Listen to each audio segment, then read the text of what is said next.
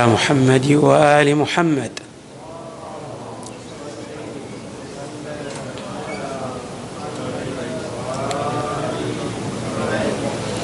أعوذ بالله السميع العليم من الشيطان الرجيم. بسم الله الرحمن الرحيم والحمد لله رب العالمين والصلاة والسلام على أشرف الخلق سيدنا ونبينا محمد وآله أجمعين. الطيبين الطاهرين. قال الله تعالى في القرآن الكريم يا أيها الناس إنا خلقناكم من ذكر وأنثى وجعلناكم شعوبا وقبائل لتعارفوا. إن أكرمكم عند الله أتقاكم. صدق الله العلي العظيم. النبي صلى الله عليه وآله قامت دعوته على ركائز. كل ركيزة من هذه الركائز تمثل دعامه. يبتني عليها الإسلام بأكمله. من أهم تلكم الركائز التي قامت عليها الدعوة الإسلام ككل إلغاء الفوارق الطبقية. الله تبارك وتعالى خلق الإنسان وكرمه والتين والزيتون وطور سنين وهذا البلد الأمين لقد خلقنا الإنسان في أحسن تقويم. الله خلق الإنسان في أحسن تقويم وكرمه. كرمه بالعقل كرمه بالعلم وكرمه بالاتصال الوثيق به تعالى. جعل الإنسان له اتصال بالله. كل موجود في عالم الوجود يتصل بالحق تبارك وتعالى. لكن الاتصال بين الإنسان وبين الله هو اتصال وثيق باعتبار أن الله استخلف الإنسان على هذا الكون جعله خليفته. ولذلك هو يتصل به في وجوده وفي الجانب القانوني والتطبيقي في شؤون حياته المختلفة. غير أن الإنسان يتوهم من خلال النعم التي يسبغها الله عليه أن هذه النعم تشكل له فوارق يختلف بها عن غيره. ولهذا تجدون المآسي الكبيرة والمتعددة في التاريخ البشري جائية عن هذه الفوارق. من هذه الفوارق لون الإنسان. الله جعل الناس يختلفون في ألوانهم لحكم. نحن لا نعرف تلك الحكم التي من أجلها خلق الله تعالى البشر يختلفون في ألوانهم. ولكن هناك حكم. عدم معرفتنا للحكمة لا يدلل على عدم وجود الحكمة. هناك حكم. بعض الناس يتصور أنه يمتاز عن غيره بسبب لونه. وهذه المشكلة كما ترون يعيشها الإنسان منذ القدم. والتاريخ الحديث صارخ يعني ينبئنا بكل وضوح عن أن الإنسان الأبيض هو الذي يرى نفسه سيد الكون وبالتالي يسوغ له أن يفعل ما يشاء ويحكم بما يريد في غيره من بني الإنسان. تشوفون المآسي التي ارتكبت والحروب والجرائم والإبادات الجماعية كل ذلك يرجع إلى الاعتقاد بسيادة اللون الأبيض على بقية الجنس البشري. بل حتى في هذا اللون الأبيض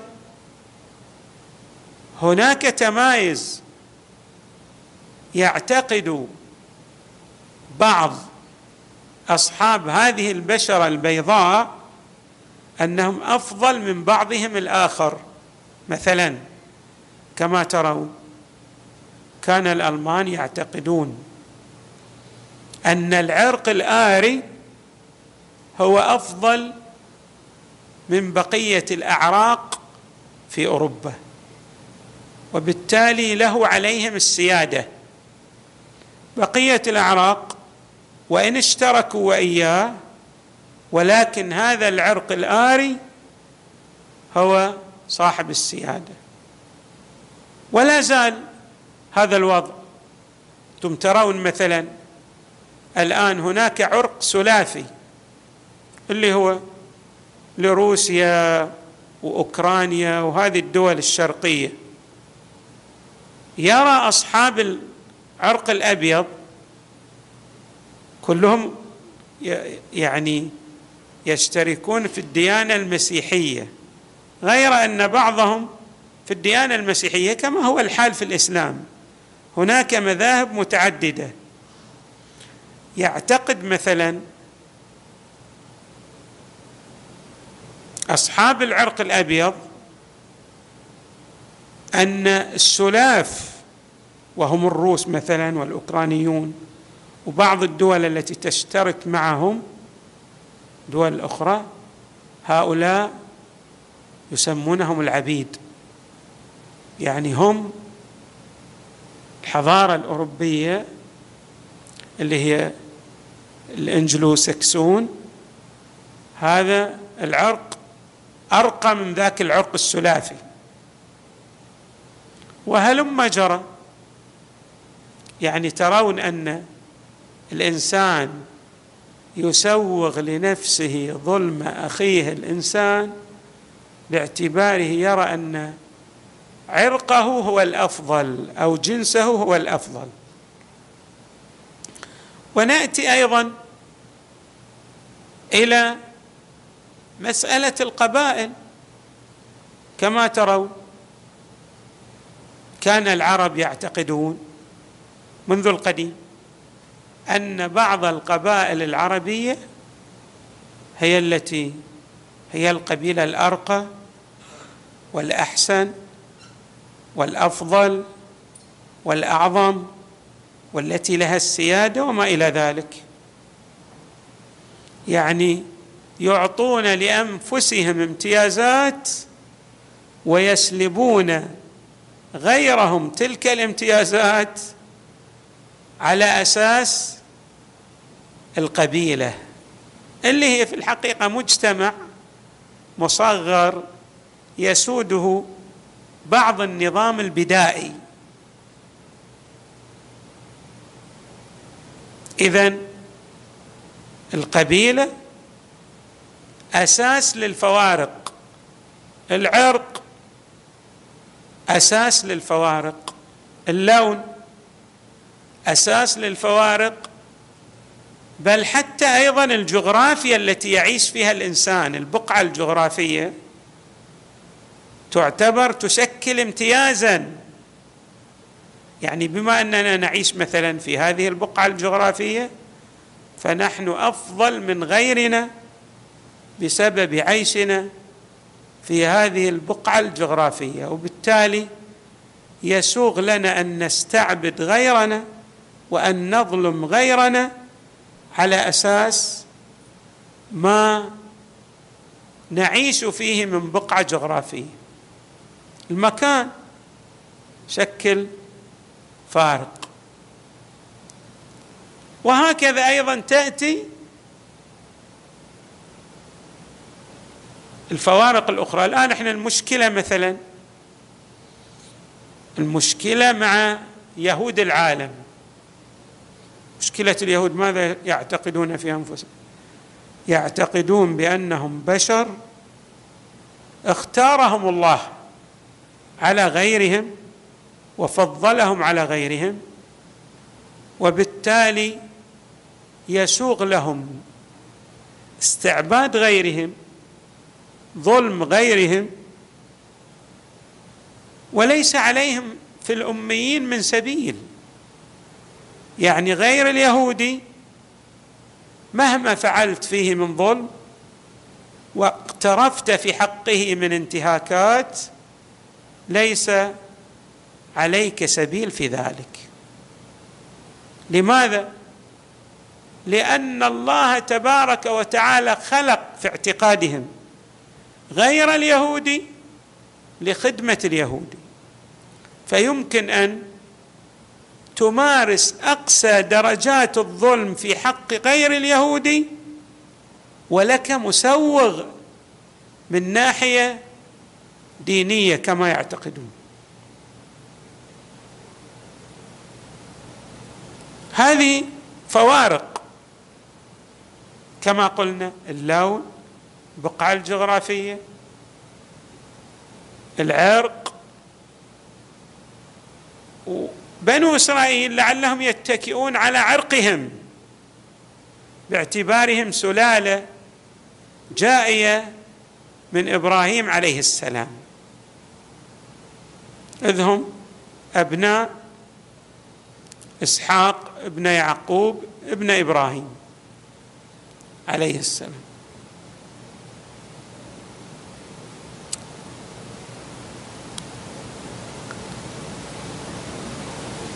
هل هذه الأمور تسوغ للإنسان أن يظلم أخاه الإنسان أم لا؟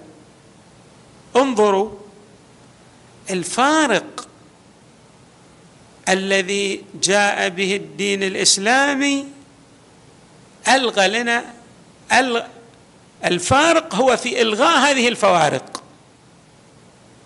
يعني أن الدين الإسلامي امتاز عن غيره من بقية الشرائع. إذا صح التعبير طبعا ما في شرائع سماوية غير محرفة تثبت للناس تفضيل على أساس العرق تثبت للناس نوعا من التفضيل على أساس اتصالهم بالله وعلى أساس أخذهم بشرائع الأنبياء. وهذا تفضيل إيماني. مثل ما جاء في هذه الآية التي استهللنا بها الحديث. يا أيها الناس إنا خلقناكم من ذكر وأنثى وجعلناكم شعوبا وقبائل لتعارفوا إن أكرمكم عند الله إتقاكم. هناك تكريم لكن ماذا يعود؟ يعود إلى الالتزام بالقانون الإلهي المعبر عنه بالتقوى. اذا في المضمون العمقي لرسالة المصطفى أو الركيزة إذا صح التعبير. الكبيرة والدعامة الضخمة التي تقوم عليها الشريعة الإسلامية المقدسة إلغاء الفوارق الطبقية. كل هذه الفوارق لا قيمة لها بين الإنسان وأخيه الإنسان.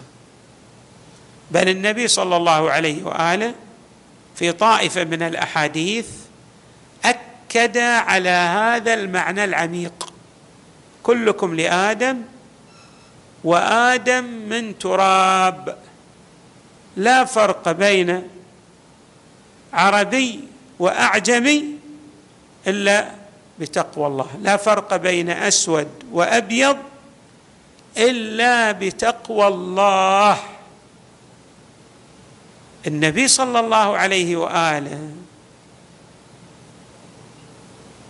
لم يطرح ذلك كشعار يعني أن إلغاء الفوارق الطبقية ليس على مستوى اللافتات والمضمون الإعلامي لا. في الواقع التطبيقي النبي مارس إلغاء الفوارق الطبقية عملا. نلحظ مثلا أنه أم المؤمنين التي تزوجها هو بعد ذلك بأمر الله لأجل يعني تبيان حكم شرعي زوجها عبدا له وهي من قريش أفضل القبائل العربية زينب بنت جحش. ابنة عمة النبي صلى الله عليه وآله. معنى ذلك أن النبي صلى الله عليه وآله كان يمارس إلغاء الطبقية عملا. بل أيضا أن التشريع الإسلامي جعل في بعض مفرداته إلغاء للفوارق الطبقية. مثلا ننظر في صلاة الجماعة. عندنا واحد يجي مثلا في الصفوف يقول مثلا الصف الأول هذا لا يمكن أن يصطف فيه إلا أصحاب العرق الفلاني أو أصحاب القبيلة أو أهل القبيلة الفلانية أو الإنسان الأبيض أو العالم فقط. الأمر ليس كذلك. هناك إلغاء للفوارق الطبقية في صلاة الجماعة.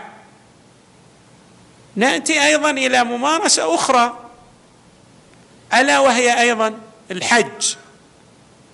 الحاج أيضا من أعظم العبادات في الإسلام أداء هذه الفريضة العظيمة. وفيها درس عملي في إلغاء الفوارق الطبقية. في مفردات متعددة. نأتي مثلا إلى الإحرام. الإحرام في الحقيقة عندما يأمرنا الإسلام بارتداء ثوبي الإحرام.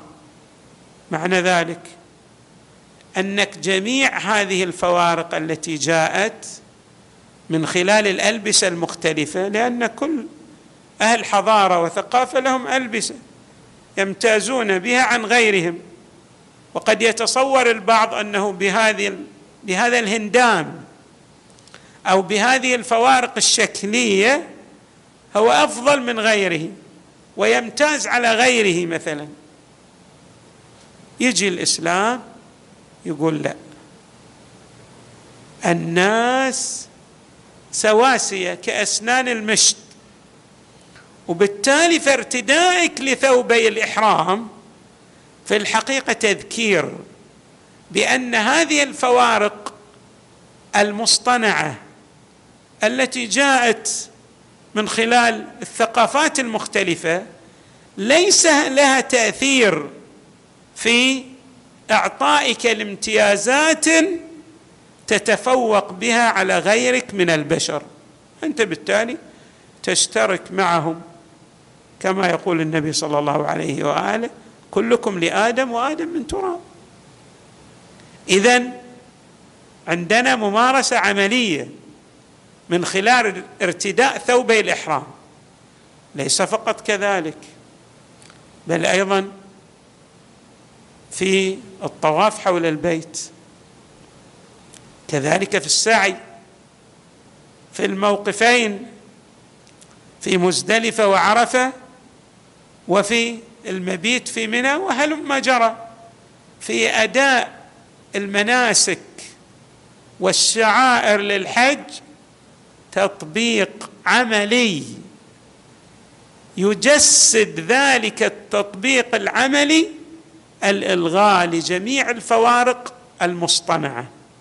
التي تجعل الإنسان يفكر أنه يمتاز عن أخيه الإنسان ببعض الفوارق التي تسوغ له ظلم أخيه.